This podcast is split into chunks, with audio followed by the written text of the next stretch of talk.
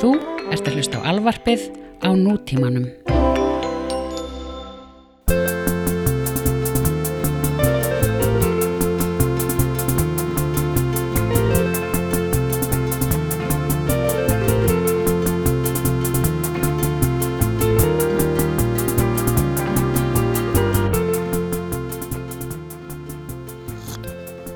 Uh, já, já, Bergur. Jæja Snorri og Jæja Gunni Já, komið sælir Já, blessaður. Við erum með góðan gest í fílalag þætti dagsins. Takk fyrir að lega mér að koma í þessu- þessu heilu við fílalags Já, það hafa ekki margir gesti komið hérna en hérna erum við með sko sannan nú er loksins Nú er gaman, sko. hýður að fá gestin sko Já, Já, takk Vel. fyrir það Ég hlusta nú mikið á ykkur ég, er nú, sko, ég sopna nú yfirleitt já, í mig það Já.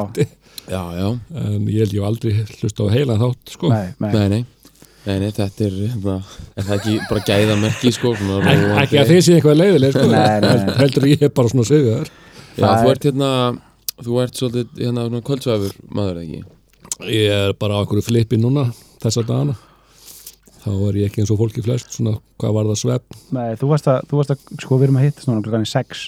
Já, Þú varst að kvarta yfir því að það væri of seint, sko. Nei, Hva, hvað erum við að tala um? reyndar ekki, ég er náttúrulega búin að leggja með þrísar í dag sko til að ég, ég líti á þetta eh, eins og maður sé batteri sko Já, Já, já, batteri í, í síma sem er sko hlaða batteri í alla nóttina já, átta tíma eitthvað einmitt En ég er svona alltaf að stinga mér í samband Já, þá Já, veist að ok. vera betra eða svona samkvæmt sumum svona, einhverjum- Já, til dæmis Margaret Thatcher hún, hún svaf sko 6 innum 20 mínútur á sólaring þannig að 620. já, Það er æðist þetta, það heitir sko Extreme Sleep Cycle ég elska líka að sko Margaret Thatcher sem er andlag mesta punk hatturs Já, allra tíma sko Einmitt. hafi verið með svona upplýsningarna svefstíl já, sem að punkarinn Dr. Gunni eh, hrífst af Nei, þetta- ég, ég get ekki þetta þessu gert, ég bara vakna alltaf eftir smá stund Já, bara, hvað, þá nærðu er þá ég svo peppaður, ég verður að fara að gera eitthvað en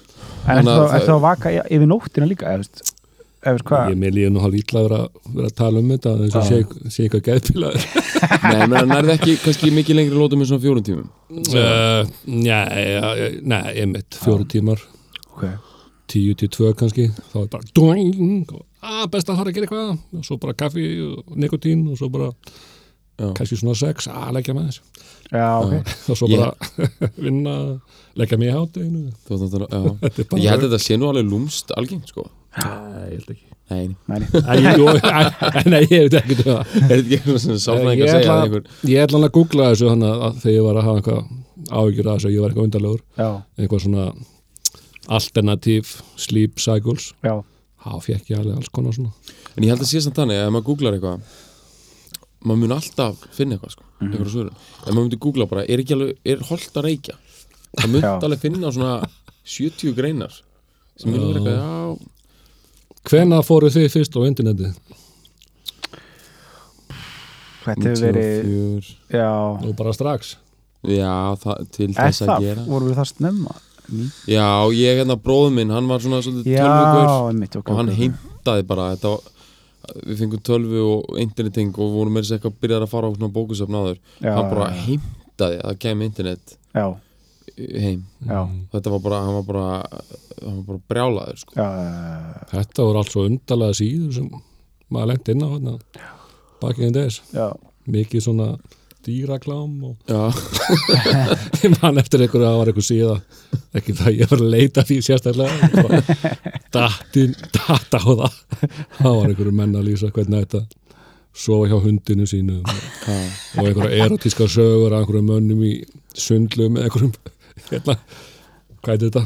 Dolphins háherningar nú er búið að sópa þessu Þetta er bara, þetta er komið á djúbnetið já, Þetta komið að djúbnendi, sko. sem bara þannig að smári McCarthy er með aðgang. Já. Já, ég kann ekki á það Nei, það væri flott að vera svona með svona að, að, aðgeng hefði bara, Já. svona, bara, bara til þess að hafa það sko Og svo er náttúrulega vissum við aldrei hvað, hvert maður átt að fara svona, þú veist, á, þá kallaði að sörfa sörfa alnetið, já, einmitt, en núna bara eitthvað Facebook og eitthvað já, Þetta er allt orðið svo strömmir já, núna einmitt. þetta er orðin neytanda vætna Já, já, Já, maður þurfti að vera algjör nölli með bakbóka bara til þess að bara senda tölupóst Já, fyrst sko Já, svo var maður að fara blokkring og svona, þú veist. Já, blokkringjur Já, sko, hérna, þú ert með hérna, bloggið þitt alltaf já, já, Já. sko, eitt að fáu sem eftir er ekki? já, einmitt þetta var, þú byrjaðar á svipum tíma og, og svona þessi alda var hann já, fyrst var ég eitthvað þau voru með eitthvað síðu Þóra Eldon og það var svona n- bara klingum þegar hérna unun var 94-5 þá voru þeir með eitthvað saga.is Mhm. voru með eitthvað svona örli síður fyrir smekkleis og eitthvað þá byrjaði eitthvað smá Að- að vera með eitthvað úst síðu og svo kom hérna this is það er- já, Guðmundur Ragnar, hann ætlaði að vera forríkur á því að selja fólki aðganga This is já, já, bara hérna Donald Trump Eh, Þannig að ég var alveg þar í einhver 11, nei, 10-11 ár svo einhvern veginn bara svo einhvern veginn bara var það allt, allt í frosti í mánuð þannig að ég færði mig yfir á WordPress já, já. en hérna, ég tengi náttúrulega svolítið, sko, þetta örli hérna, internet menning á Íslandi svolítið einmitt við, svona punk sko það er, náttúrulega Einar Örn var með sko Já, hann var með þegar við vorum með netkafi hús sem hétt Já. Siberia einmitt, Já, það var ég man til hérna á Klappastík neðalega fyrir neðan lögin og hann er alltaf í einhver svona net- já, já, menn brandar, að hann sko. var með eitthvað annar svona netót já. Hann var með þarna, hann ætlaði að vera með eitthvað svona veit, veist, eitthvað svona, eins og svona Gogo Jóko, eitthvað, hvað hétt það? aftur? Grape Lime- Wire. Grape Wire, já, já. einmitt en svo er líka sko, er ekki hann Valli sem við ætlum að fjallum í dag já, er hann ekki tölvugaur svolítið jú, jú, hann er búin að vera eitthvað öllum kostningasjónvarpum bara síðan sögur hóðust Aha, hann sér um hann, Með- hann sér alltaf um Tölfræðina. sko kostningatölvudótið já, hann er með eitthvað fyrirtæki sem heitir Kukkur held ég. já, verð pöngan upp sko Kukkur, það er þetta nú vera ætti frekar að vera eitthvað Æla, já, já, Eh, kukkur er þetta hann var náttúrulega kallað spakur spíugjafi þegar þegar voru fyrst sko, þá voru allir með svona nöfn já, svona eitthvað svona Ramóns stæl, eitthvað. svona. Já, Já. og það, þetta var líka algengt í ennska pönginu, alltaf Johnny Rotten Já, já, og, já, og, og og Sid Vicious Situisio og strákotinn í Damd, þeir hétt eitthvað Einmitt.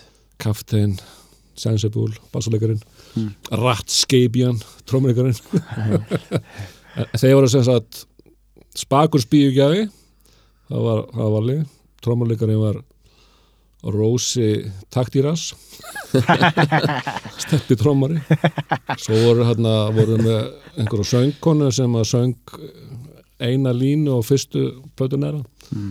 hérna í læginu Summer Nights hún var kölluð spilt sp- spilt sp- spilt spjaldskrá svo erfitt nafn Pilt spjall. kemur hérna upp svona gammal stam spilt spjaldskrá það er frábært maður svo voru hérna Aggi aftanfrá og Egil hvað var það? Egil Æ, ég mann ekki Nei. og er þetta hérna, er þetta jafnandræðin er það Nei, nei, nei. Það er dólið gaman að segja frá því að þeir eru fætti 59, Valli og, og Stebbi, Mm. ég er fættur 65, þannig að ég er 14 og þeir eru að slá í tvítugt Já, og þeir byrja hérna í Kópavarsby og þá hérna, já, eru þeir bara í mentaskólanum, MK, líklega bara á síðasta ári eða eitthvað. mm.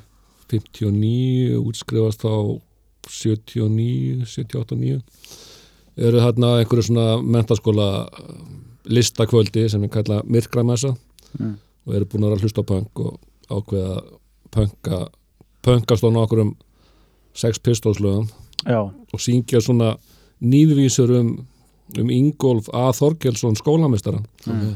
bara eitthvað, ég, man ekki, ég var ekki þetta sko, Mm. þannig ég sá þetta ekki, þetta verið eitthvað Ingólfur hálfviti eitthvað svona, já, ímynda ég mér já, já, eitthvað svona við gott sæðið Queen ég Já. veit já. en uh, ég hef ekki heyrt neinar upptökur frá þessu fyrsta fraflag ekki Og Þetta, er- þetta er 79, segir þetta er 78, november Já, ok, þannig að þeir eru svona, þeir eru svona, svona örli í bylginni þá, eða, þú veist? já, ég menna, stranglist tónlingarnir voru í mæ 78 Já, svo komu hérna, svo voru strákar sem kvölduðu sér Halló og Heilasletturnar Mm. sem voru með punktónleika á kjærvalstöðum í ágúst 78 er það svona fyrstu áleg? já, ég getur sagt það Mm. hverju voru í hýraslættunum Hall, Halló og Heilasletturnar Mm.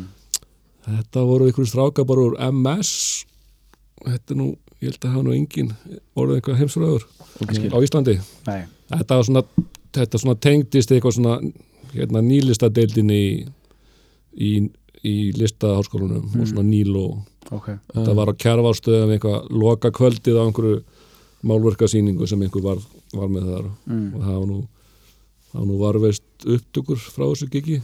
bæði mynd og hljóð þeir eru með saxafón og svo er þarna einhver það, á þessum tíma var fræg nektadansmaður sem hétt Sús, Súsi mm.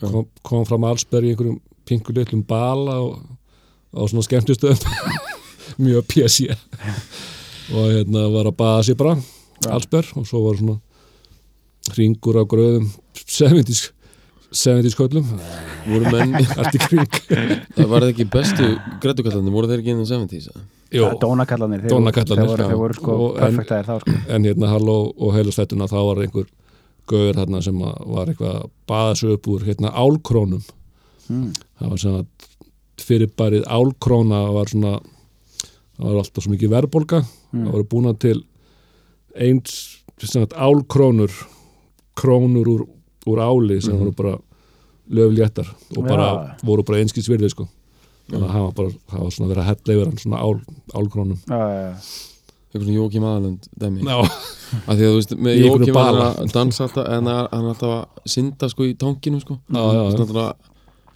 maður alltaf að fatta, þú veist, það er náttúrulega ekki hægt sko ef Nei. myndir bara dundra þér út í huga og já, fyrir gullið á bara, bara hálsbrótanu sko já, kannski ál þetta kannski álið sleppi sko var já, álkrónur já.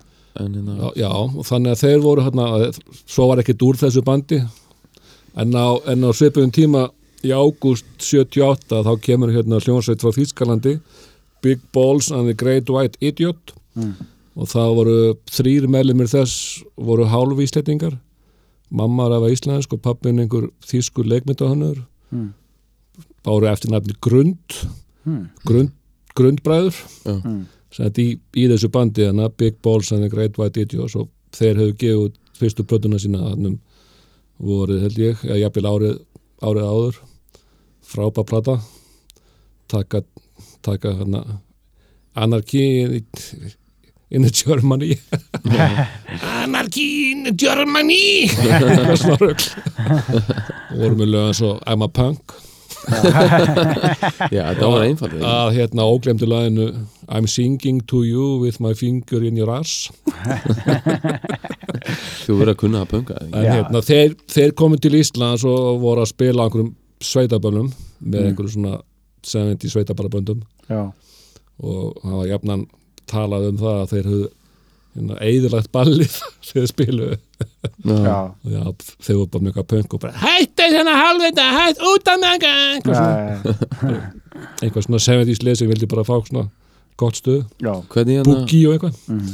algjörlega sko hvað hérna, getur við talað eins um þetta svona, bara ástandið hérna, svona 70s stemninguna þegar pöngarandi koma þú veist þetta uh, þessi b- b- Já. böll og brimkló og, og Ég er náttúrulega svo lítill að ég get ekki sagt frá þessu sko ég er þetta að segja sko í hérna bókinni eða bókunum sem við getum út um popsuguna sko Já, það finnst mér sko, mér finnst 70s bara, bara, ka- bara kaplanir vera bara skemmtilegastir sko, svona mesta partíð sko já þetta er náttúrulega við bara svona einföldum en þá er þetta náttúrulega veist, svona hippa tímabili þá er allir bara eitthvað bjarga heiminum og, mm. og bönd að reyna að halda upp einhverju stemming á böllum með einhverju 20 mínúna bongosólo og eitthvað og allir svona, í f- svona þokkalega stemdi fyrir því en samt ekki, þannig að samt eru böndu svo hérna haukar sem eru bara að spila á veist, hérna pressleilu og eitthvað og það er alltaf já, já, góð stemming á því, svona Já. brensi og eitthvað og alltaf veist engin bjóra á þessum tíma Mhm.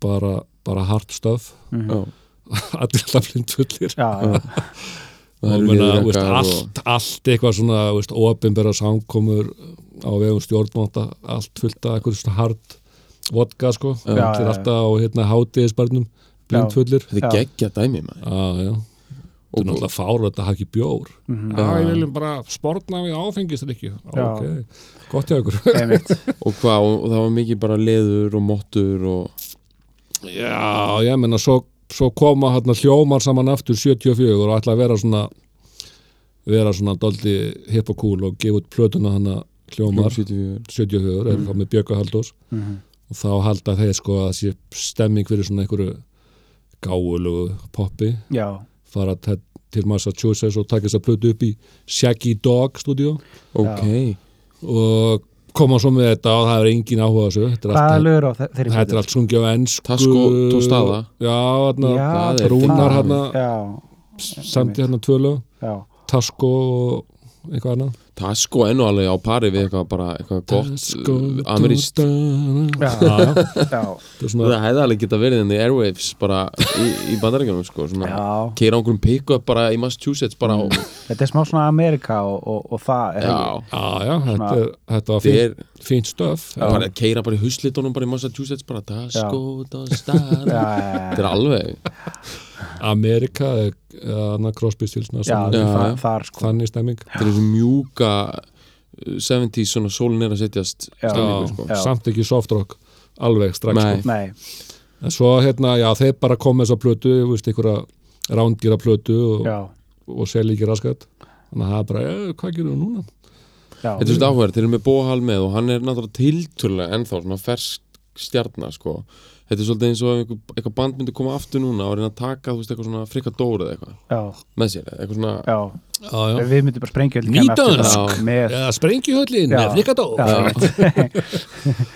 og Svo myndi einhver vera eitthvað, neða það eru konir alveg já, Þið þurfa að taka Aron Kahn sko eða ætla að vera ferski já, sko. Það var að slá í frikadór líka sko já, já, já, já, mik mikil endur nýjum þannig að þeir bara sjá það, þeir alltaf selja einhverja fokking plötur og, og fá einhver leið á böl, þá verða það bara dump down já, og úrverður The Lonely Blue Boys já, Já, og það er bara mega hitt strax heim í Búadal bara, ég, ég Einmitt. kem og já, já, selja en er það alvöru hitt? Ég meina þú veist sko, ég veit heim í að Búadal Já, ég veit, en já við sko, var fólk var fólk sko spennt fyrir þessu Það er þetta ekki meira bara, þú ert bara orðin svolítið fullur og þetta er bara nein, þetta við náttúrulega talum alltaf annað umhverju það er svo, það er svo öðvelt að slá í gegn það er bara, veist, ein, ein útástöð sem spila á pop svona, Mhm. svona fjóra tími í viku Já, þannig að það er bara ég veit það, heim í Búðardal bara algjört mega hitt ég veit að ég átti kannski meira við sko, já algjörlega það það voru meira að ótrúlega segja hitt. búin meira að segja búin til svona bumper stickers hvað er í fjandana meira að segja Búðardalur Það er ótrúlega, það Aha. er þess að 70s, já, bumper ja, stickers bumper stickers og, bömbist og náttúrulega svona A-track líka Já, En hann að Lonely Blue Boys, það sko mannskapurinn þar, er það bara, ná, er það bara, það alv... er bara nákvæmlega sama og, og Gunni, Gunni var með, með þar eða ekki? jú, hann, hann samti heim í, heim í Búðardal Einmitt, einmitt, einmitt, einmitt, einmitt, einmitt. og þetta er algjört svona fíblamúsik Já, Mhm. þetta hefur alveg á sér nostalgískan bæ núna já, já, Mhm. já, og allir bara í sakastöði fyrir þetta sko og, og þeir gera þrjá, eða, tvær lonely plötur í viðbót og svo svona líður 70s og allir eru bara á þessari línu allt þetta lið, nema náttúrulega þú veist, megas spilverkið og, já, já, stundum, og, og stuðmenn svona hálft í kóru já, allt þetta gamla lið sem hafi verið að meika in the 60s, eða í, í sexunni fyrir ekki já, það, er- það er bara ennþá að já, er búin að vera í popinu bara núna eru kannski núna eru komið kannski 12 ár síðan að hljómatni byrjuðu Já, fyrst sko. já. og þeir eru þá orðin, þeir eru samt kannski bara 32 eða eitthvað svoleiðis, ekkert já, þeir eru bara rúmlega rúmlega Já. þrítuðu sko, en veist, já, samt konni með fjölskyldu og Já, bjargi og já, bónur að já. þurfa að fara Lánum að borga lán Ég og mitt, ég mitt, ég mitt, ég mitt, íbúð og eitthvað svona, þannig Já. að það er þýr ekkit flip Nei. það þarf að, ef- ef menn alltaf að lifa músík þá verður það bara Mhm. að gera það sem bransinn býður upp á neymi og Gunni náttúrulega dælir út hérna, meistaraverkum Allt, oft með með hérna uh, Bjögga með Mhm. og, og Rúnar á kantinum já, þeir gera náttúrulega einu sinni var hérna, það er plötuna, þessum saman tíma og, 76 selja alveg bara 20-30 steindök Og hann bara alltaf- hann fyrir fyrstu alltaf- velin sko og alltaf með Ríó líka, sko, ekki glemja Já, já, já, all, alltaf mér í jó og hann gerði svo þessar, þessar sóloplötur hann, fyrstu hann, Já, já, svo gerði hann Disco. svo, fyrstu solbrötuna, 75 sem hann var náttúrulega f- flop já, en, en fín hann var líka plata. svona dýr og, og, Já, já. og svona flókin, Manitoba einmitt, og svo er hann náttúrulega að gera flytur hann til London og er að pródúsera eininga með eininga og Já. halló latta og alls konar stöf sko. einmitt, og svo náttúrulega útvatnast hann að því að maður Mm. eitthvað kannski sagt og fyrir að gera hérna lummurnar Mm. gerði tvær plötu með þeim Já. og það er bara svona verði ekki að horfa svona alltaf dutt, dutt, dutt, dutt, dutt, dutt. Mhm. Já, Og já, svona já. algjört bara komið út í bara bara mínus næstu í svona bara tíu strumpa heila já, næstu, strumpalag næstu strömbarni sko En eh, hal- hann haldið það hana lumulegt, heldur að það, er, er það eldra eða er það, kemur það frá þessu eða? að vera lömmulegur Já, takk úr. það var náttúrulega alltaf verið að tala um að selja eins og heita lömmur Já, já, En þetta, þetta kemur líklega þaðan fyrst já, eða nafnið er, er tekið þaðan einmitt. og allir það er rosa mikið 70s feelingur yfir sko að segja eitthvað sem er lumulegt sko. Já. það er eitthvað svona sem þótti örgulega eitthvað Já, það er ekki Eitthvað þannig. Nei, ég held að það hafa nú verið komið áður en að þetta Já, eh, áður en lömmurna komið já, og svo er Mm. náttúrulega hann líka með þú og ég hérna, eftir þetta Mm. disco sko Já. sem er náttúrulega, þetta er náttúrulega allt snild eftir á að hyggja já, en svona fyrir einhverja 14 til 20 stráka þá er þetta náttúrulega bara algjör döði og svo er um, þarna svo er Maggi náttúrulega Kjartans veist, fer í- Já, brunaliðið brunaliðið og- það er hérna með eitthvað einhverja fróðu Já, það var svona stúdíoband sem að Jón Vondi Ólafsson sætti saman Mhm. já, ok. og alveg bara að make það big, big time hann Já. með ég er á leiðinni Já, Mhm. og svo þetta með Bjögga Haldó sem er náttúrulega orðin algjör, monster. algjör monster hittari hérna með Brimkló og svo náttúrulega hver voru með honum í Brumblum? Já, voru strákar sem höfðu verið með honum í ævintýri í sömur sko Já, trommari hérna frá Selfossi, hvað er hann? Rapp, neða eitthvað Já. svona þykkur, Já. svo þarna gítarleikarinn ég, en þetta var ég- sem ég þetta man ekki hljóðstinn hans öll- bara öll hans þessi nöfn, bjöka sko. já, já, já, algjörlega sko já, og, og það er hérna eitthvað algjört monster hit hérna sem var já, 79 hérna sagana Nín og Geira Já. já. sem, sem hún söng með Dittu Já, eitthvað ógeðslegasta lag sem hefur komið út á Íslandi já, ég veist Eh, því að En samanlega. þú vilt Já. Nína það er bandarist lagað ekki Ég, þetta er eitthvað ég, Jú, ég held þetta það. er eitthvað svona allan að alveg mjög líkt ykkur öðru sko já ég sá ekkert svona á YouTube að vera þetta er eitt af þessum lögum sem ma- maður fattar ekki að er ekki íslensk sko. Já, já, Já, já. en hérna er til dæmis eins og, og hann er með HLH líka er, er Já, já. hann að keira þetta bara á sama tíma eða? eru menn Já, bara í þessu, svona- er þetta svona svona- brand ég fragmentation menna, veist, menn eru bara með eitthvað, með eitthvað dót í gangi til að Mhm. geta að borga reikningana Já. þannig að hann er með, kemur með HLH og keirir það alveg í gang með einhverju dýrasta vídeo sem hefur verið gert á Íslandi Já. keira niður lögavegin í einhverjum í einhver svona amerískum kökum í svona Mm, grís leður einmitt, já. Eh, jökum og og var það þarna sem menn voru alveg konum upp í kók hérna. já, ég meina, Röp- þarna, röpilandi. þarna var náttúrulega þú veist, bara fullt að liði fara að hlusta á punk eða, Já. veist, þú veist, þú veist, einhvað lið Já, svona ungi strákar aðalega og þarna er, veist, þarna ertu með þetta lið allt sem að er búin að vera á, á fullu, fullu gasi í 15 ára eitthvað Mhm. og bara þetta er það eina sem er verið að tala um í, í svona pop poppressunni á Íslandi mhm, og hérna þannig að það er einhvað svona að fara að breytast Mhm. 79, þetta nær f- svona fróðan svona vellur yfir bakkan á glasinu hann að minninn að gera já, já, já. þannig að það er og, s- og eftir þetta eftir þetta MK gig þá ákveða freflarnir að að halda áfram já, og eru sem sagt ákveða líka eða svona fara að semja sín eigi lög gera taka hérna einhver einhver demo, taka hérna Seasons in the Sun Mm. We are die, we are sun, we are seasons in the sun já, já, eitthvað svona punk já, og eru hérna með nokkuð frumsami lög líka Seasons in the Sun er svona, er svona nettur Nína og Geiri sko Ameríku já, Já, Sko, hann- við, þú veist, þetta það er er náttúrulega svona- franslag, það ekki, upprúnlega nei þetta er, þetta er sko French Canadian sko. Já, ég meina, Terry, Terry Jacks er, er fransk kanadian en sem að Já. lægi sem að byggja þetta á er Le Moribond, það er hérna, eftir Brel, Jacques Brel já, Eh, ok vá, Þetta vissi ég bara- þetta var gott maður þannig Hann voru var að byrja að móli, storka doktor já, það er bara, við skulum bara, hann höldum okkur bara, á hann var mótinu, eins sko. Ah. og bara rísarinn í Jurassic Park það kom bara svona það er bara hefna í vissi þetta það kom bara eitthvað svona, eitthvað svona fristur upp á bakið á honum bara, og hann bara þetta er svona Nei, slag þetta er franslag ég veit hann að Terry Jacks eitthvað, þetta er svo mikið bara svona, þetta er svo mikið svona, svona snekkju dólgur sko já, að, einna, hann, þetta, hann er náttúrulega svona one hit wonder gaur sko en hann grætti Já. svo ógstlega mikið á þessu að hann kipti sér snekki og skýrði hann að season sem þessu já, og og er bara eitthvað að klæmast þar bara 70 style, bara Já. örgulega enn þann dag í dag sko já, Ég gæti verið á snekkjunni prömpu fólki Já. ef, já, ef við byggjum ykkur alveg landi ég segi já það þú lítur nú að lítur nú að geta verið með einhvern svona prumpu á, árabát kannski. Getur ekki fengið eitthvað tjaldvagn eða eitthvað? prömpu hjólburur Nei, þetta hefur örugglega verið alveg svona einhver julla, svona, Já, svona lítil svona lí- eitthvað sem getur verið mér nautrúsvíkinni já, þú lítur að geta keitt það Já, bara Nei, svo eru menn ofta að eitthvað tala um sko rúmfattalega Já. að lög geti verið sko eldhúsinrétting eða sundlög, þú veist, þetta er svona í já, útlöndum já, en sko í Íslandi, ég meina mjög góður hittari hlýtur nú að geta hlýtur nú að geta graðið fyrir einum potti Já, ég, Heitum ég bolta. talaði við Ingo Veðugu þarna þegar hann fekk borgað fyrir Bahama já, já, Hvað veistu um mig? 200 skall? Já, ok já, já. Hvað veist þú fyrir verðt í sambandi? Vi, við, við tveir, það var Já, voruð alveg þið saman? það, já.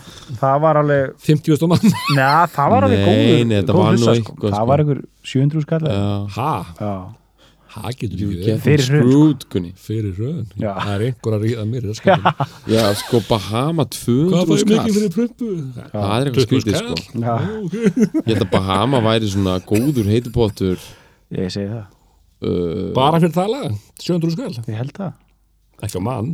Nei, nei, saman Já, ekki. samt að Já, Já, en þetta var á sama tíma hann að Jeff Hu var með hann að Barfly, áður, sko, já. fyrir Barfly já, sem var nú mesta svona radio Og- Ég hef aldrei skilið neitt í þessu stefgjöndu nei, Já, maður tekur bara því sem að höndum ber ég segi það já, já. En, uh, já, hvað var það? Við vorum í hérna Derry Jacks já, já, þegar fræflarnir eru hérna á þeir eru alltaf með svona eitthvað lið það, ég myndi segja sko Valli og Steppi trommari, þeir eru svona aðal Já. me- mennirnir og eiginlega þeir einu sem voru alltaf með Mhm.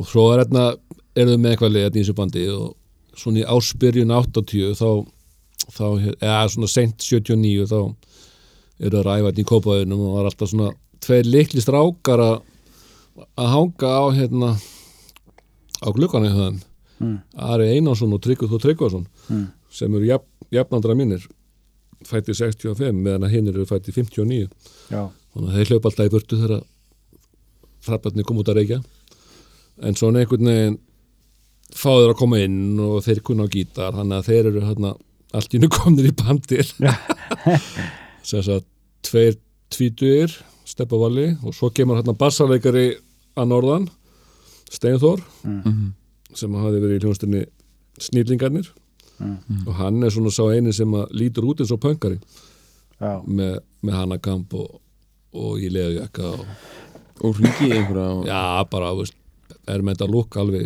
alveg í botnin, sko og með hana, þú veist, valja bara ykkur svona kviti skirtu og eitthvað já, já, hann var meira með hann að Joy Division lúkið Nei, alls ekki, hann, hann hataði það, sko já, Já, veitu, en sko, við erum að tala um svona ég sé bara myndir Jó, hérna, sko. jó, svona Ian Curtis, svona, þetta svona, eru svona lúklega séð, já, Já, ég er að tala bara um þá er hann fötin, þannig sko. já, já, já, og eina líka svona bara, augnaráðið sko já, augnar á hvernig hann stendur og, Já, og einhvern veginn svona já beitti sér við mækin, hann, sko. var oft svona alveg stjarfur þegar hann var að syngja, sko Já, Curtis var svolítið í þessum stjarnleik Já, Curtis var náttúrulega alltaf tók svona flóakost já, já. hann var stjarnur þangað til að köstin komi sko. já, Æ, ég veit ekki, ég er bara að segja þú veist, stundum er hann líka þannig að maður hatar eða sko fílar ekki eitthvað sem er samt stundum hann mjög nærri skilur Mm.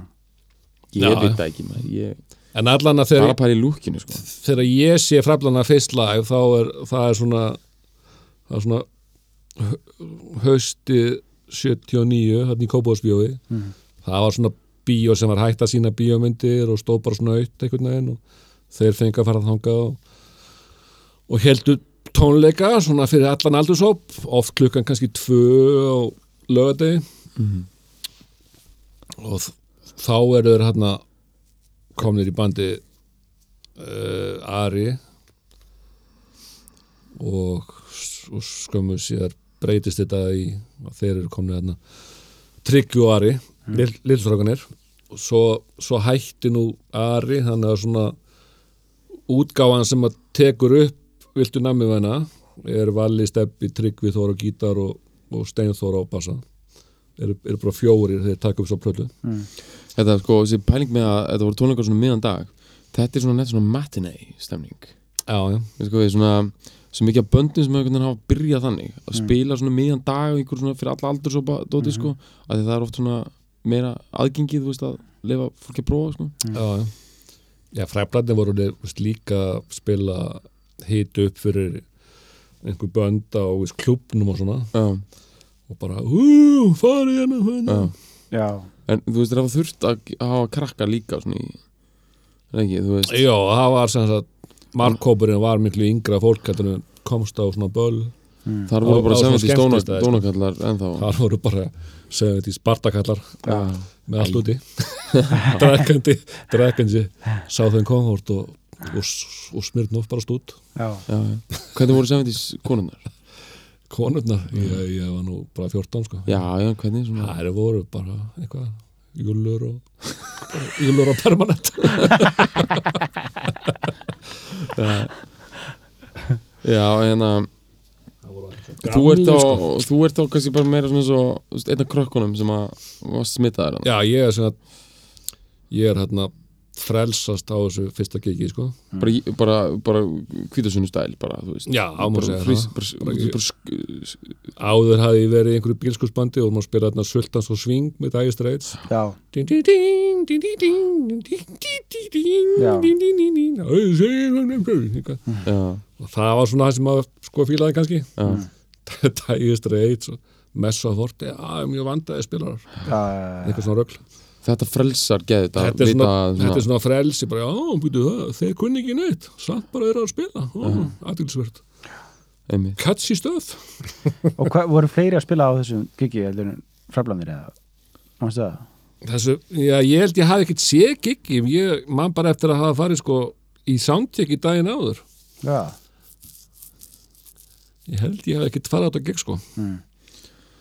En allavega þá svo hérna líða nokkri mánuðir og kemur, koma páskarnir 1980 og þá eru haldnir tónleikar sem að eru kallaðir heilbrið æska í Kópáðsbjöði klukkan 2 á lögadegi og þar, þar er ég að spila mitt fyrsta gig með hljónstinni Dordinglar með þrjú frumsami lög eftir mig ég er aumingi, mm -hmm. diskotrull og ferða bandstrik lag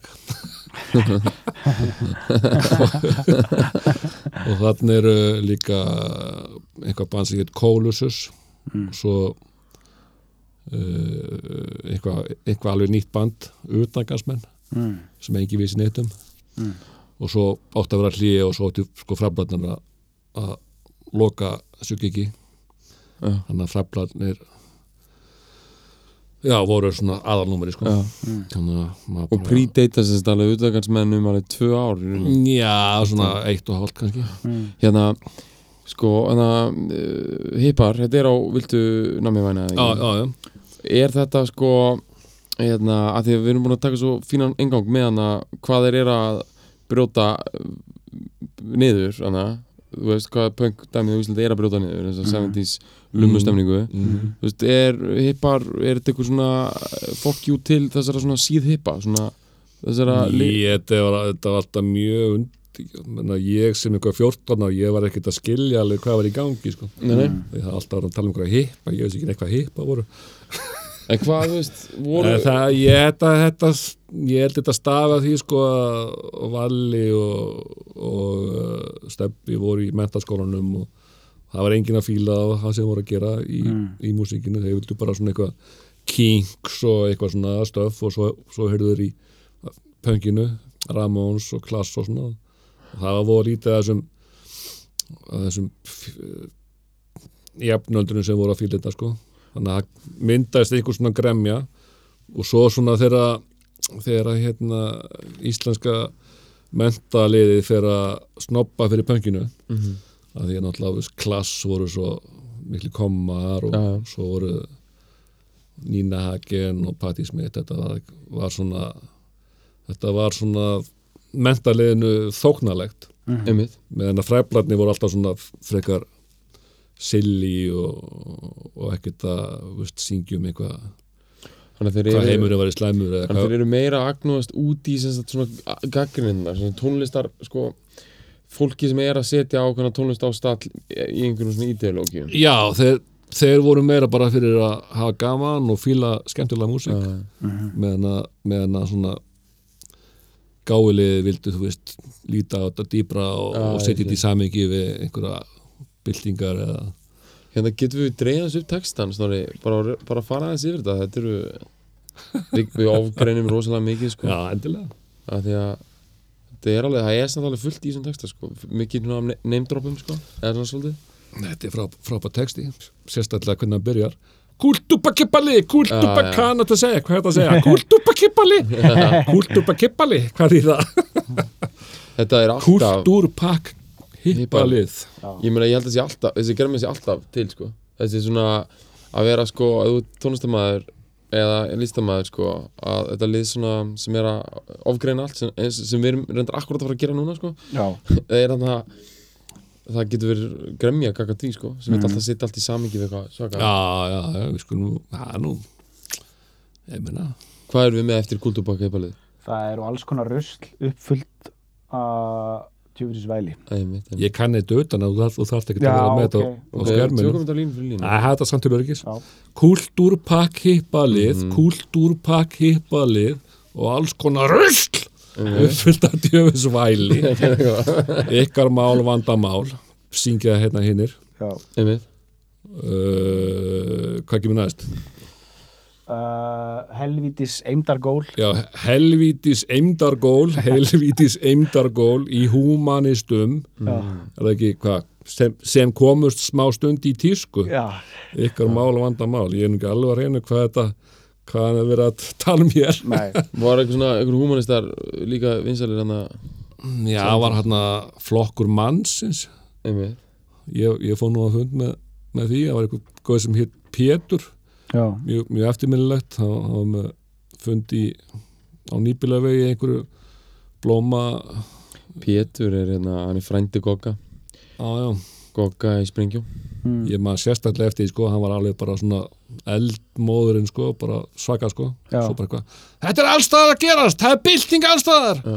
í Argentínu, það var flokkum mannsins fyrir sex sex mánuðin síðan og nú er hann orðinn stærsti flokkurinn í Argentínu þetta mun gera sér ok, já, ok hann var búinn að vera rosa mikið sko, í Suður-Ameríku, Mexiko og Já, eitthvað og komið þetta, þetta var eitthvað svona í tísku svo hefur þetta komið aftur alltaf er ekki, er ekki mér svo Húmanista flokkurinn er að bera sig fram núna Sami já, kallinn og einmitt Sami kallinn og var hann Sa- þessi pétur 1980, neðan þetta er Július já, já, við kvöllum hann alltaf Júla Gulltönn af því að maður svona Gulltönn en þetta er þetta hérna er sprenglæðilegt Ok, okay, ég, þetta er ég, greinilega veit, eitthvað. veit satt í galli hvort að þeir sé að syngju þetta leið, sko. nei, nei, nei, þetta er bara eitthvað svona almennt almennt óþól fyrir menta og, já, og liðis með með gáli einhver ideológiur og hvað menningar og, já, og hvað er, hvernig byrja næsta svo er að þykjast þykjast skilja böng já, þykja skilja punk uh, hlusta ekki á punk misnota punk Ah, ok, núna meikar þetta allt sens já, þá sem sagt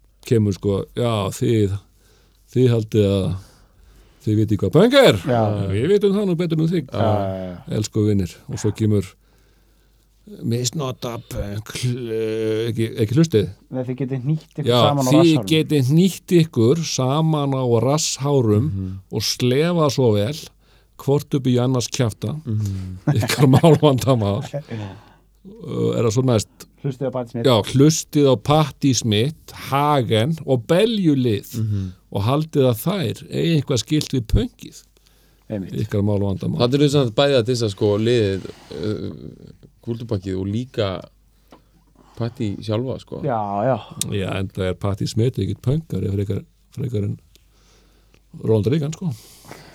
aha Æ, ég meina, hún, var, hún, hún er miklu meira bara eitthvað 60s ljóðskálda bítnik eitthvað, sko. já, já, Já, svona, En- svona en hún bara- timeless beatnik eitthvað en sko. hún bara datt inn í þetta að því að hún var bara á þeim á þessum tíma, sko. já, Meina, ég, ég fíla aldrei Patti Smith. nei ég átti eitthvað lag með hann á einhverju sapplötu Piss Factory Hmm. Mm. alveg hundlegilegt reyndar er náttúrulega besta lag er Because the Night, það, Já, það já. er fínt það er reyndar eftir Bruce Springsteen einmitt, en ég hef aldrei skilið hvað er mekkildi Við ætlum að fíla samt, við ætlum að fíla Pat Smith sko. já, ég, ég, ég las reyndar Íster ég vil taka það ég, ég las reyndar hérna æfisöðununa og þá Já, hún var var hann frábær. mjög góð sko já, Þannig að ég er búin að taka hann í sátt svona sem, sem mannesku en, en ég fíl ekki músikina En Hagen, ég aldrei Já, hlusta á hana með heldur eldri bróða minn hann var mjög hrifin að henni og var hérna einhver þýsk Nína Hagen, þýsk svona punk uh, feminista Já, komi einhver, sem var mikið í raggi svona, já, já, mér veist hún nú nokkuð góð sko, já, þú veist allt í lagi mm, ég skil ekki alveg þetta hatur hraflan á henni, nei, ég meina hún var eitthvað hérna in the 90s þá var beta rock mhm. veit ekki hvað það er já, já, hún hérna þar voru hérna í hljónstinni á, á túr, Túr, einmitt mikið hérna feminista fórustu fórustu fjö og, og það er einmitt sko Beta Rock montaði sér, montaði sér lengi á því að hafa putta Nínu Hakin á tónleikum sko. Já, á, já, ok svona á, á svo fíðinu já, já það var ég bara eftir og það er ekki allir sem hafa putta hana Nínu Hakin sko, nei, nei, á svo fíðinu nei, nei. en að alla, já ég vona ekki sík að ljúga þessu Nei, ok. En Ok. allan að já, Nína Hagen, já, er þetta ekki bara kallremba já, í þeim sko? að vilja, vilja dissa hana Já, Já, vera að og taka, þær saman vera, hana vera að kalla það eitthvað beljulið, já, já, svo belgjulið hana já, já haldið að það er, já, sem að hlustið á partís mitt Hagen og beljulið, ég Já. veit ekki alveg hvaða lið það er, nei, Nei. og, og haldið að það er eitthvað skipti pöngi. mm, Þá náttúrulega eru þeir að segja að, að pöngi sé bara Ramones og, mm, og Buzzcocks mm, já. og hvað þessi bönd hétu. einmitt ok, hvað erum við með svona svo bara, svo bara á- ádróði sko, Já, reypiði til Já, þá Hengið eru nú. sem þetta að leggja Ah. til reypið bara leggja til hinnar ímsu liðir til þetta að lið myndi, myndi dreipa sig. já, ok er eitthvað svona, þú veist, en að var eitthvað svona eitthvað í spilinu eitthvað að svona dót mætti ekki vera spilað á rúf og eitthvað svoleiðis eða veistu eitthvað um svona það eða? Já, bara dattingum í huga að spyrja þetta. nei, bara ég var veit ætti ekki. spila Ég hugsaði í einu þættu í viku sem hétta Áfangar Já. og, og var í umsjón Guðnar Rúnars Agnarssonar Sem er einmitt- Ásmundra Jónssonar. Guðin Rúnar er Já. líka frændi Gogga Já, Vi- mér finnst þeim að breyta því þessi ættfræði þátt sko og bara hvernig aldrei skildi Gogga sko og hérna, nei, ég meina, veist það, ég man ekki eftir þetta, ég hafi hirtið þetta í útarpunum sko. ok, Ég hef ekki hirtið í frablanum í útarpunum bara fyrir en að bjór kom út sko. já, 81, þá kannski heyrði maður svona einu sinni til tvisar. einmitt En, en þetta stöfa viltu nammi venna, þetta var ekkert spila sko. Nei. og og bara átti en eitthvað þeir lið fengi að- ákveðta dóm eða svona sæmilega dóma Og það- var þetta að gefa út í garminu? eða? nei, nei, þetta gáði út sjálfur já, ok á merki sem einhverju rockfræðslu þjónustan En og svo- í, Ég í, elskar hvað þetta er allt hrókafullt Yfirlæti í, í, hérna, í hérna samvinnu við fálkan Já, uh, en já, þeir eru með höfðu farið í early, eight, uh, early á áttunni, snemma á áttunni bara 1980 bara, bara, bara um vorið, þá höfðu þeir gert punk þátt fyrir, fyrir rúf Mm. spila hann einhver lög og það voru hann einar örn og einhver lið var hann líka það var dóldi líkt hann Bill, Bill Grundy þætti nummer 6 Pistols það var einhver svona einhver lúði eitthvað að tala við þá og, og svona þeir voru í veittali og einhver svona pönkara sem stóði fyrir aftan þá. já og þá er einmitt sko frækt manni eftir að því ég var að, var að horfa á þetta þegar að var að lýsa eitthvað að hvernig eru íslendingar að- að að taka í þessa músík "Það er ekki, takk ekki neitt við þetta endur íslendingar 95 og sem fá þetta og þetta var eitthvað smá smá hnyggsli Já, en svo er þessi þáttu bara horfin með öllu já Í alvöru? það hafi verið gerðar alveg döið að leita að þessu og Og þetta var, þetta var, sérst, bara tekið yfir þetta var þetta í sjónvarpi? maður er sérst, nefnd, já, þetta þetta eða? er sjónvarpinu. Já, ok, já, ekki yfir þetta bara maður er nefndur, ok Já, ráðnætti stjóri einmitt sorglegt, Já, en allavega já svo, svo kemur platan út viltina með henni kemur út desember 1980 og þá er náttúrulega þá er náttúrulega auðvitaðgasmenn sem voru að hefja sín ferilin hérna í Kóbóðsbygði í apríl, þeir eru orðnir bara stærsta band landsins þeir Sem- sprungu bara út þeir sprungu bara út Sem er einhvern veginn, þú veist, þegar þú sást þess að gauðra fyrst, þú veist, og nú er ég líka að tala um utagarsmenn Já. og, eða kannski- og líka hann hana sem kom frá að norðan, hana Steinþór, eða ekki, jú, jú, jú, jú. og sást hana, hana gattana og draslið, þú veist, hana kampana Já, og svona, já. þú veist, hvernig leiðir, skilur, fannst þér þetta ekki bara að vera alveg, þú veist, fyrst ekki alveg smá stingi í magan, bara, hvað þetta er fokkin miklir replar, eða? Já, sko, málið með freflana, það eru alltaf svo hérna kamm og viðmann, sko. Þau voru hérna eitthvað sex árum eldri en, en tókum hann alveg sér jafningjum og... Ah. Eitt af þessu einu prósentin sem átti ekki að fokka sér, sem sagt. Já, já, ég menna, ég var í, ég, ég síndi áhuga. já, Einmitt. Þannig að þeir voru bara, ég hef alltaf, ég hef oft líkt þessu við að, að þeir hafa verið svona skátafóringjar, sko. mm. Skátafóringjar í pönginu. já, já, En náttúrulega þegar maður sá þessa Pollock-bræður og Bubba Mortens, maður var bara, hvaða, Hræddirðu það? hvaða lið er þetta? já, já, já, Ég veit, þetta er eitthvað, eitthvað ellendismæður. já. Já, og bara svona, þú veist, hvernig er tilfinningin? Þú veist, er þetta svona eins og blanda af hræðslu og aðdáinu? Já, já, akkurat. Og ég, mitt, ég var hérna í soundjækjunni þegar þeir voru að taka soundjæk, utnægarsmenn, aldrei sé þess að mennaður. Og Bubbi hérna, eitthvað, að heyrðu þú, réttu með þess að kókfalsko hérna, ég þarf að dreipa í þessu síkardu. Og ég eitthvað, "Uh, já. mjög, mjög mikil, þetta er bara eins og að hafa rétt Elvis Presley eitthvað sko, já. Já. Já. 55. Það er mikið authority bara hana strax hana. hérna. Já, Já. já, Já. alveg með einhverja vöðva, einhverjum svona væbítirból og Mm. le, allt fyllt að leðuböksum og já. Djúðlega þetta gott maður. Pollock bara er náttúrulega kanar, þeir voru bara höfðu Já. Mhm. alveg meira mann upp í bandaríkunum og þeir voru með eitthvað svaka telekaster Já, og stratokaster, einmitt, einmitt, einmitt. alveg græði sko Já. græðir Þeir voru sko. alltaf með svona tjúner svona stóra hlung Já. með svona stóru grænu ljósi ég man alltaf þegar maður var að sjá sá, sá ötnangasmenn sko þá var alltaf bara myrkur fyrst nema þessi hérna grænu ljós sem maður sá Já, já, í hérna myrkurinu sko Einmitt. svo bara 1, 2, 3, 4 já, í kvöldana var að stóra sviði Eitthvað. þetta var dóldi, dóldi sjokk en, en það var þetta, þetta gig sem að ég spilaði á í fyrsta gifti þetta var gigið sem að sp- sprengdi sem sagt auðvitaðgasmenn í loft upp og var ekkert eftir snúið eftir það minna. fræflarnir hitu bara upp eftir þetta sko já, það var ekkert Þeir voru bara svona... þeir voru svona sporgöngumenn Já. já, Og voru svona kongar í svona eitt og allt ár í þessu. það er ekkert að segja að það eru kongar Nei. þeir voru bara Já, svona, ég skil. meira svona hirfíbla Þeir voru, já. en ég meina En sko, nú er það pæleinu, sem er, nú er þetta kannski bara algjör svona lúða, eh, hérna, skapur sko, en ok, jáfnvel þó að frablandur hafi verið þetta langt á undan, eru þau samt svona frekar seint meðan við bara hvernig pöngið springur út í Englandi, þú veist? mm, já, já, eða skilur, þetta tekur smá tíma já, já og nú er já. ég bara að pæla í, sko, þú veist punk er eitt, svo nýbylgja annað og eitthvað, þú veist, finnst þér þetta sk- þú veist, er eitthvað sko, er, finnst þér þetta að vera svona eins og, þú veist, frablandir eru punk og svo er bara meir og minna allt hitt nýbylgja sem allt þetta eftir þessi sprengja kemur og allt sem er í myndinni, þannig að rokkir ekki eitthvað svona, er það eh, eða hvernig, þú veist, eða skip- finnst finnst þér þetta ekki skiptar einu máli, þessi hugtök hvað og- það heitir, Já. Mhm. já, ég meina frablandin er náttúrulega punk og en s- svo verða þær aðeins meira njú ef þarna þeir er kemur 81 og þeir gefur fjaralar plötuna bjór og svo gefur þetta aðra LP já, þá er það þarna að vera með synta og já, þarna að þróa sko ég meina að það var aldrei, það var aldrei beint eitthvað punk á Íslandi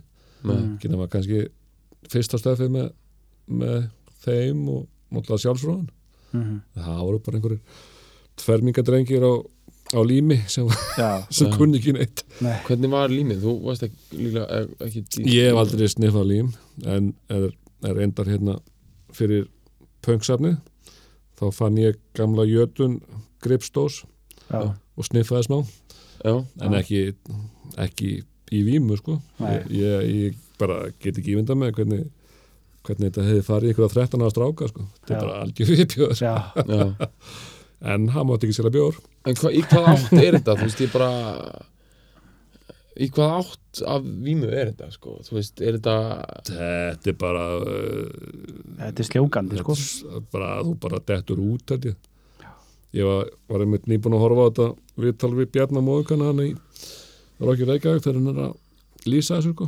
mm. og náttúrulega kveikjaragasi það er náttúrulega olli uh, skinvillu Mm. á Mhm. meðan að bensín og, og lím svona bara s- slómar út sko finnst ykkur ekki vera gegn líkt af bensín bara, já, já, mjög góð lykt Já, Vist, ég er bara sko en ekki það góð lykt að að ég sitja í póka á sniffi Nei, en ég veit, skilur en ég bara Vist, það er eitthvað svona eh, það er geðvett að taka bensín og bara, að því rauninni leðinlega að taka bensín þú veist, það kostar pening og er bara að auka ég hugsa alltaf, já, en ég ætla ég ætla, njóta já, ég ætla að viffa vel inn í mig, sko, af lyktinni og jafnind út, sko til þess að, þú veist þeir, já en þetta var doldið algengt sko að, að krakka voru á sniffa ég man Já. alltaf eftir henni ég var- var að fara í smíði einhvern tímann ég var í síðasta bekk í barnaskóla þá voru þarna nokkri strákar að sniffa sko, lím einmitt, bara eitthvað út bara, með- bara þeir voru að býja eftir að hérna smíðast og að myndi opna sko Já, og svo bara voru þeir að smíða hérna alveg út úr slökaðir saga einhverja einhverja hérna einhverja einhver fatahengju og eitthvað já, En, hérna, eh, já, þú tala með það var bara það meiri landanum sjálfur sko. já já, la- einmitt, var hann í svona brúsum svona, hérna, með rauðum tappa landin já, Nei, löttum minn söplægir var nú bara með þetta í, í gamlum vodka flöskun sko. Já, ok ég held að hana möttu hérna sívalningsbrúsarnir síðu sko eitthvað svona meira alveg nær nýjunni sko. Þeir eru sko, landi kostar ennþá 15. kall í dag getur maður fengið land eða Já, ég skil það nú ekki það er, ég veit það, þú veist, ég, ma- ég maður ekki tímann, þú veist, það er svona hipstrir að gera þetta hendi í þetta sko þegar þeir eru að er að gera land Já. Já, basics. já, og hvernig að fara að hefta þetta í, í límið Já, það, þeir eru lengu, þeir eru alveg að því í, í, í, Ah. í brúklin og svona sko. já, Ah. pottit, já, bótt, ykkur svona rich kids bara, já, ég eru í líminu og- back to basics þetta er bara, þú veist, og menn eru mikið náttúrulega í hóstasaftinu í bandarækjunum Já, já, þú veist, að meira náttúrulega í rappinu sko. hvernig virka það? það er þetta hann að purple drank Pur- þarna- Purple Drink Það er sko. eitthvað svona aktavis er ég sprauta Dan- í æðið eða hvað? Nei, bara- þetta er eitthvað svona drikkur sko. Já. og var maður eitthvað vill að hýða? Já, maður verður sko, já, já, ég, meina, ég hugsa sem er þess að örglega ekkert svo ólíkt sem þú ert að lýsa sko. ég, alltaf þegar ég er með hósta þá tek ég alltaf svo, svo vænan gúlp af hóstasaft sko. Já, það er rauðu þrýtingur á þessu, maður á ekki að keira eftir eitthvað smá, ég tek oft svona og ég get svarað það, maður verður svolítið svona sljór og, og vætn af því sko já Benilín, ha, Benilín Hvað er það, það? það er eitthvað svona djú, ah, svona hóstas Já, það var náttúrulega, ég, meina, ég var aldrei ég umgangst aldrei neitt lið sem að var eitthvað að reykja has eða að taka spýt eða eitthvað það var bara að brenna símaður já, og uh, ég held að þetta hafi verið svakalega lítið sem að var eitthvað að vera jú, ég meina spurði Bubba hann var náttúrulega Já. kongurinn í þessu Bubbi komst í þetta hann komst í kókímaður og ég veit ekki alveg hvað hann fekk það Nei, nei, Þannig að var lítið af því hérna í, á skiptistöðin í Kópói. já, já, En svo, svo náttúrulega, svona, já, þetta var náttúrulega svo mikið öðruvísi, sko, þú veist, ríkið bara var á þrem stöðum í Reykjavík og bara, bara yfir borðið, sko. Þurfti bara að benda. einmitt. Hvað, hvað er þetta hérna? Já, þetta er hérna, eitthvað, koskein korað vodka. Já. "Ö, Hvað kostar kriplingurinn? Kostar síðan skall. en það er pelið það Já, pili, kriplingur. og var, það, var bara eitt kriblingur yfirleitt bara skamtunum fyrir Mm. Já, það var svona sem Eina að, tónleika. það sem að tók fyrir, fyrir kvöldið sko já, og alltaf var ekkert, var einu sinni brugguðu við bjór, strákanir hann í svarkitum drömi og hann var 15% og vo- voru með hann svona í 15 lit, nei, jú 5 litra svona kútu svona rauðinskút, já, alveg formið í strætó kútin og það sem þetta hent út áður en að strætóum koma á, á fyrstu stoffurstöðina já, og þar voru hann eitthvað "Ah." og þá kemur sko steppi frablanum kerandi Mm. og, og skuttalegun er á borg Mm. og þar voru einhverju tónleikar og við hérna eitthvað 15-16 komast ekki inn náttúrulega nei 18 ára eða 20 ára aldurstámark Mhm.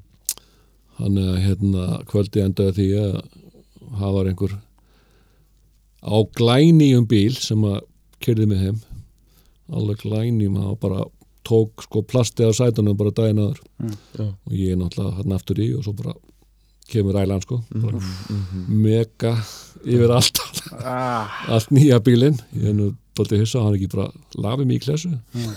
bílegandinn hann allan að bara var ógæslega full og ég drafst hann í fórstofunni heima hjá mér 15% bjórinn, já 15% bjór Fá, maður, einhverjum einhverjum svona einhverjum svona deliverance bandarismu redneck svona belg já, já, já, XXX eitthvað moonshine einmitt. bullshit sko já, þetta var svona eitt af var ekki sko hérna betri fyllir í úlinsárana skilur þú veist það sem voru menn ekki mikið svangir hann svangir í mat já það var náttúrulega ekki matu til nei, þetta var bara eitthvað eitthvað menn ef þú fórst nýri bæ þú tókst- kjötfars og eitthvað já þú Já. borðaði það heima hjá þér og svo Já, ef þú já. tókst strætó nýri bæ og ætlar að vera þar og eitthvað við kvöld og jafnvel að drekka eitt kripling og eitthvað það var, það var Jó, varla hægt að fá pulsu skilur jó, já, þetta var puls og hambúrgara já, já hambúrgara í svona svona svona álpapir Öskju, já, já.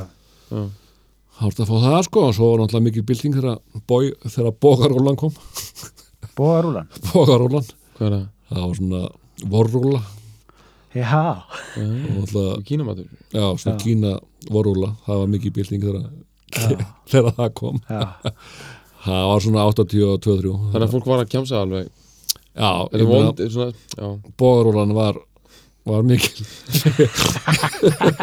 mikil viðbót við þessa próru Já, ég, nei, því ég bara hugsið út frá svona basic dóti svona, eins og þú veist, bara unglingar Já. Mhm. skilur svangt fólk sko þú veist, og drekka þeir og, og já, ég menna þetta er bara Tommi náttúrulega kom aðna snemma í áttunni mm, svona- já, já. það var mikið bylting Mm. Og alveg þegar Tomma opið. borgari kom og er þetta opið alveg fram á fram á, fram á Já. nótt, nei, ég held nú ekki ég held að það bara verið svona vagnar sko Mm. og þá var bara einhver annar að selja einhvern annan hambúrgara já, ok, Ja, það var alltaf, alltaf verið til pulsu náttúrulega já, já en það er samt örgulega miklu betra núna meira aðgengi að mat sko þetta, ef að fólk fær ekki að borða þá byrjar það að lemja sko það Já, er já. bara, þetta er bara svona crowd control sko. one on one ég er ekki alls konar eitthvað svona Alibaba og, jú, jú, og, mm. Jú, og það eitthvað er- nonna biti og jú, jú. Þetta er eina hölva bátur bó- og eitthvað þetta er eina búið að vera náttúrulega bara alltaf þú veist, við þekkjum ekkert annað en ágætis matar úrval þannig maður náttúrulega nennir ekkert að fara að geta einhvern einhvern góða mat, þannig að beint höllin í bæði nei, Nei, Vill nei bara fá þetta eitthvað þarf slís í samt að Já, en það þarf að vera svona frekar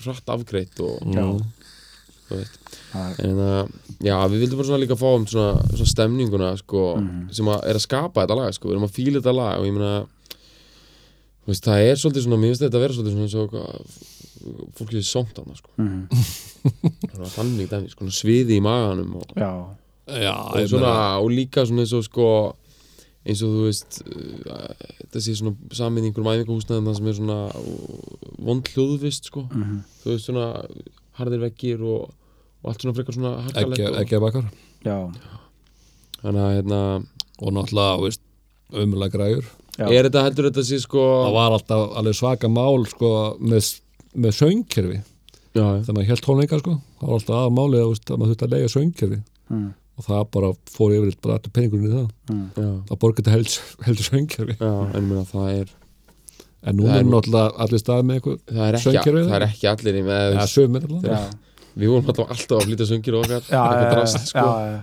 og, já. einmitt, berringer þannig ef með eitthvað beringi drasl, að En það er náttúrulega þegar borgin kipti söngkerfi hérna 86 þegar Reykjavík var 200 ára Dag Jótsson kipti söngkerfi já þá var einmitt Friðrik Þór alveg brjálega sko af því hann hérna saknaði þess svo mikið að að var svona slaft sound og allt, Já, allt, allt í svona feedbacki og svona já, já, já, já, hún er fast að bara vera svona sko stemmingin já, já, já, er sem þetta- átt að vera mhm, er hana, er um, þetta lag sem við ætlum að hlusta á, er þetta bara made and produced í Kópavogur?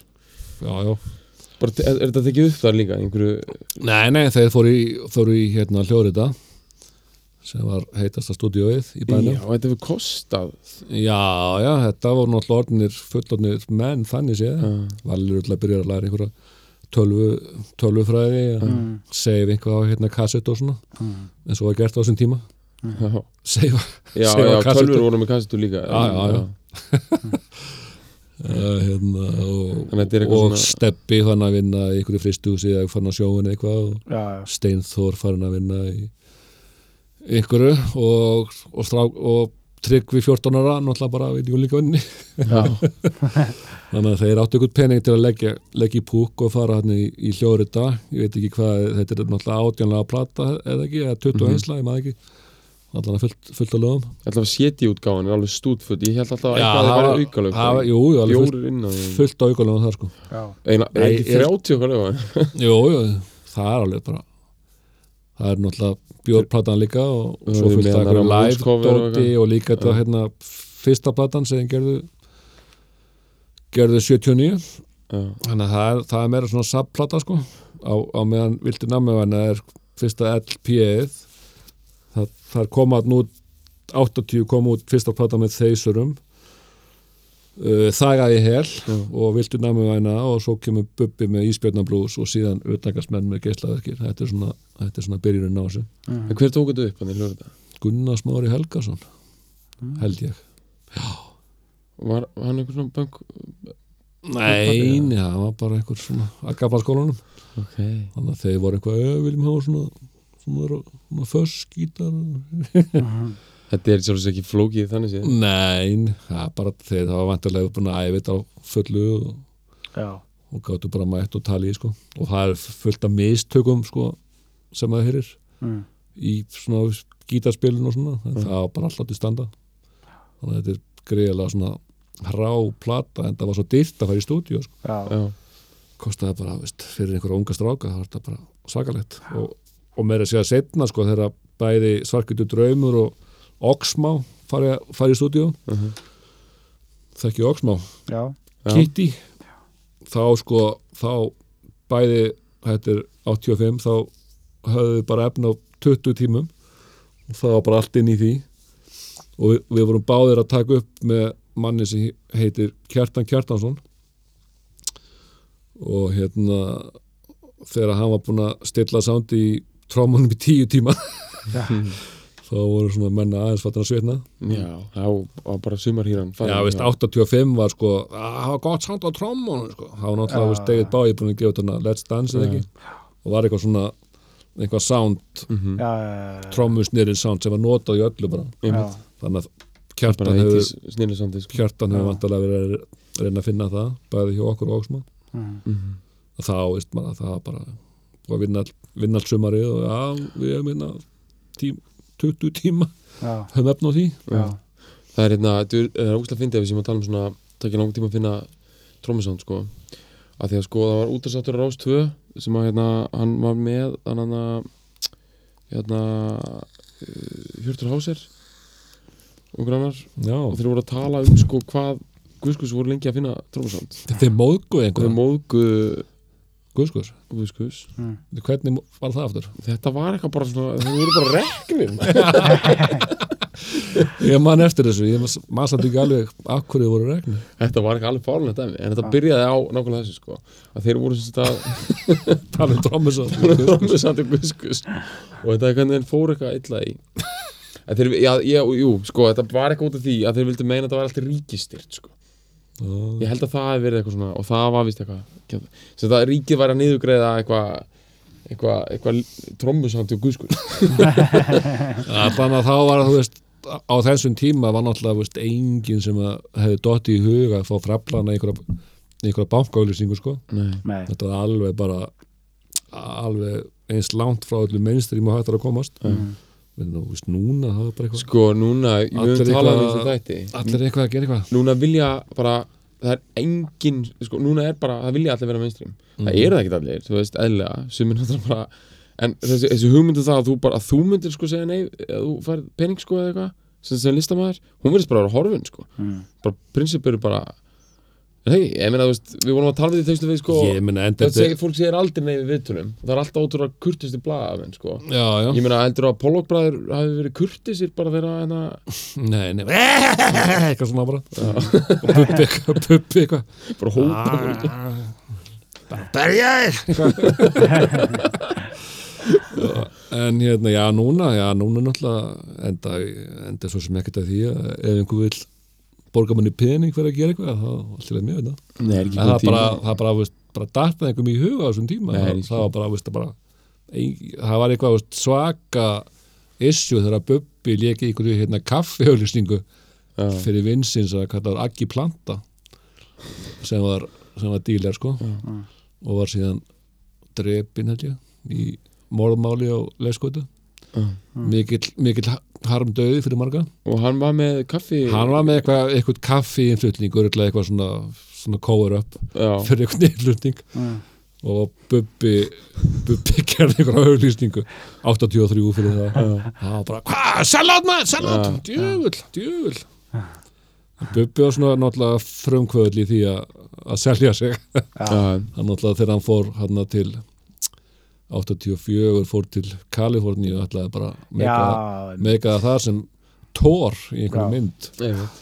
þetta er nú, þetta er nú tímabil sem að er dótt í móðu já, hjá mörgum allan á honum já, og hann allan að hafa með eitthvað vísakort fyrsti mann á Íslandi sem átti vísakort og, og gæti einhvern veginn bara tekið út endalaust Já. pening og svo þegar hann kom heim þá bara fór hann í eitthvað vísa vísa túrin í einhver land og borga, borga skuldina og var í einhverju vísa auðlýsingu líka held ég já, það er náttúrulega verið náttúrulega það var náttúrulega eitt, eitt líka sem var ekki á þessum tíma að menn áttu kort sko mhm, já, maður var, að- maður var að fara til útlanda bara með kass og, og ferðatekka alveg til 86 ok, en það góða við þetta er náttúrulega það, ef þú ert í bandi þá er náttúrulega að fara bara að kassa inn ah, borgar engan skatt, ég meina, þú veist, jú, þú borgar einhvern málamyndaskatt, það sem við gerðum, skilur Nei, nei, við borgum aldrei skatt Sko, ég er að lesa eftir Bruce Springsteen núna og hann bara hann, hann byrjar að gigga bara 16, eitthvað svo 16,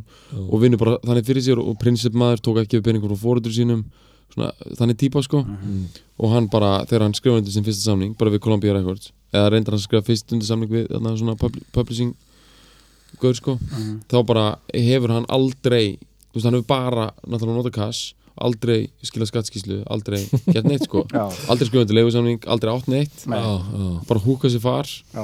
æðisleg bara fyrstu 6-7 árna hans í bransanum og nefnilega, ég er að hugsa Hvernig þetta byrjar hann að spila? hann byrjar alveg, sna- hann byrjar í rauninni- Eitthvað 60s? já, já, Já. já. high school bandið hans er, Já. al, verður alveg professional band eða þróast yfir í það uh, 65-6 er hann bara byrjaður að vilja það fyrir sér sem tónlistamæður Já, hann ok. okay. talaði um það, hann hafi verið 10 ár 10 ár trying to make it sko þegar hann meikar það almennilega með Born to Run sko Og hvað er það gammal þá? 26 Þeirra meika? Já, það er svona alveg big time En sko, ég er bara að segja þetta, þú er að klára punktinn að auðvitað er þetta glata eitthvað, voru við bara eitthvað kass eitthvað, engin kort og engin grít og eitthvað en fyrir mjög unga krakka sem eru bara svona, vilja bara gigga og mm keira eitthvað svona lítið economy í gang skilur og kaupa sér bara pulsur, þú veist þá er þetta náttúrulega betra mm. það er alveg vonlaust að halda einhverja tónleika fyrir eitthvað 17 ára garatsband og vera með eitthvað leið eitthvað posa bara eitthvað á valitor og skil einhverju uppgjöru og eitthvað og við erum alveg sleppt þessu sko Já. En Bubbi var náttúrulega 24 hann er þeirra hanslar í gegn hann, hann er svona eldri heldur en frablarnir og, og þeir sko Einmitt. Já. og, og líka pólokbröðarnir Einmitt. Já, já Hvað eru búin að tala í tvo tíma eitthvað? Ég, ég held að sé bara komið tíma á að leipa Fröflum á skeið fraflunum að Já. sko, á skeið sko. það er ekkit annað þetta er- Það þú er var búin að fara gaman. mjög vel yfir þetta sko. Já. þetta er nákvæmlega sem ég vildi, vildi nefnilega svo mikið fá svona tíðarandan einhvern veginn inn sko. Já, bara á, á ótrúlega frábröðu því sem að við erum að lifa í dag sko já, Alltaf greiðali bylting, bara internetið og, já, og vísa og, já, einmitt og hérna bjórinn já, Heldur að fræblendir hafa átt einhvern þátt í Já, þeir náttúrulega plantafræðinu með þeir gerðu náttúrulega 81 gerðu, gerðu lagi bjór Já. já, voru mjög heitir bjórumenn Kom það aftur upp svona í góð- góðri spilun að 89 þegar byrjaði að Nei, vera því miður, það var bara eins og að engin útásmaður fattaði það já, svona- sem kannski sýnir hva, hversu frablarnir eru eru svona eh, ekki nóg mikið metnir sko Já, fyrst er límið betri en bjór já, einmitt. sungu þess já. ég segi, leip, leipuðu maður Já, takk hérlega fyrir komuna Gulli. já, það hverju sem fyrir að leys hjálpa að koma inn Afi, hvað gerður í stríðinu? Ég var baðverður Hans, skró þessi ás Gúft og pakkið manni, gúft og pakkið manni og alls konar rust og gúft að ég með svæli Hengja má, hengja má Helvíti setar ból, helvíti setar ból í húmanistum Komið stund í tísku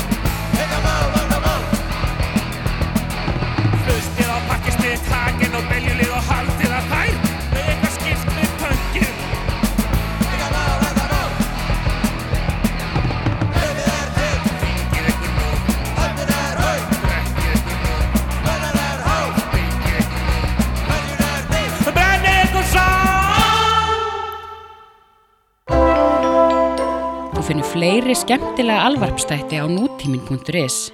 Takk fyrir að hlusta.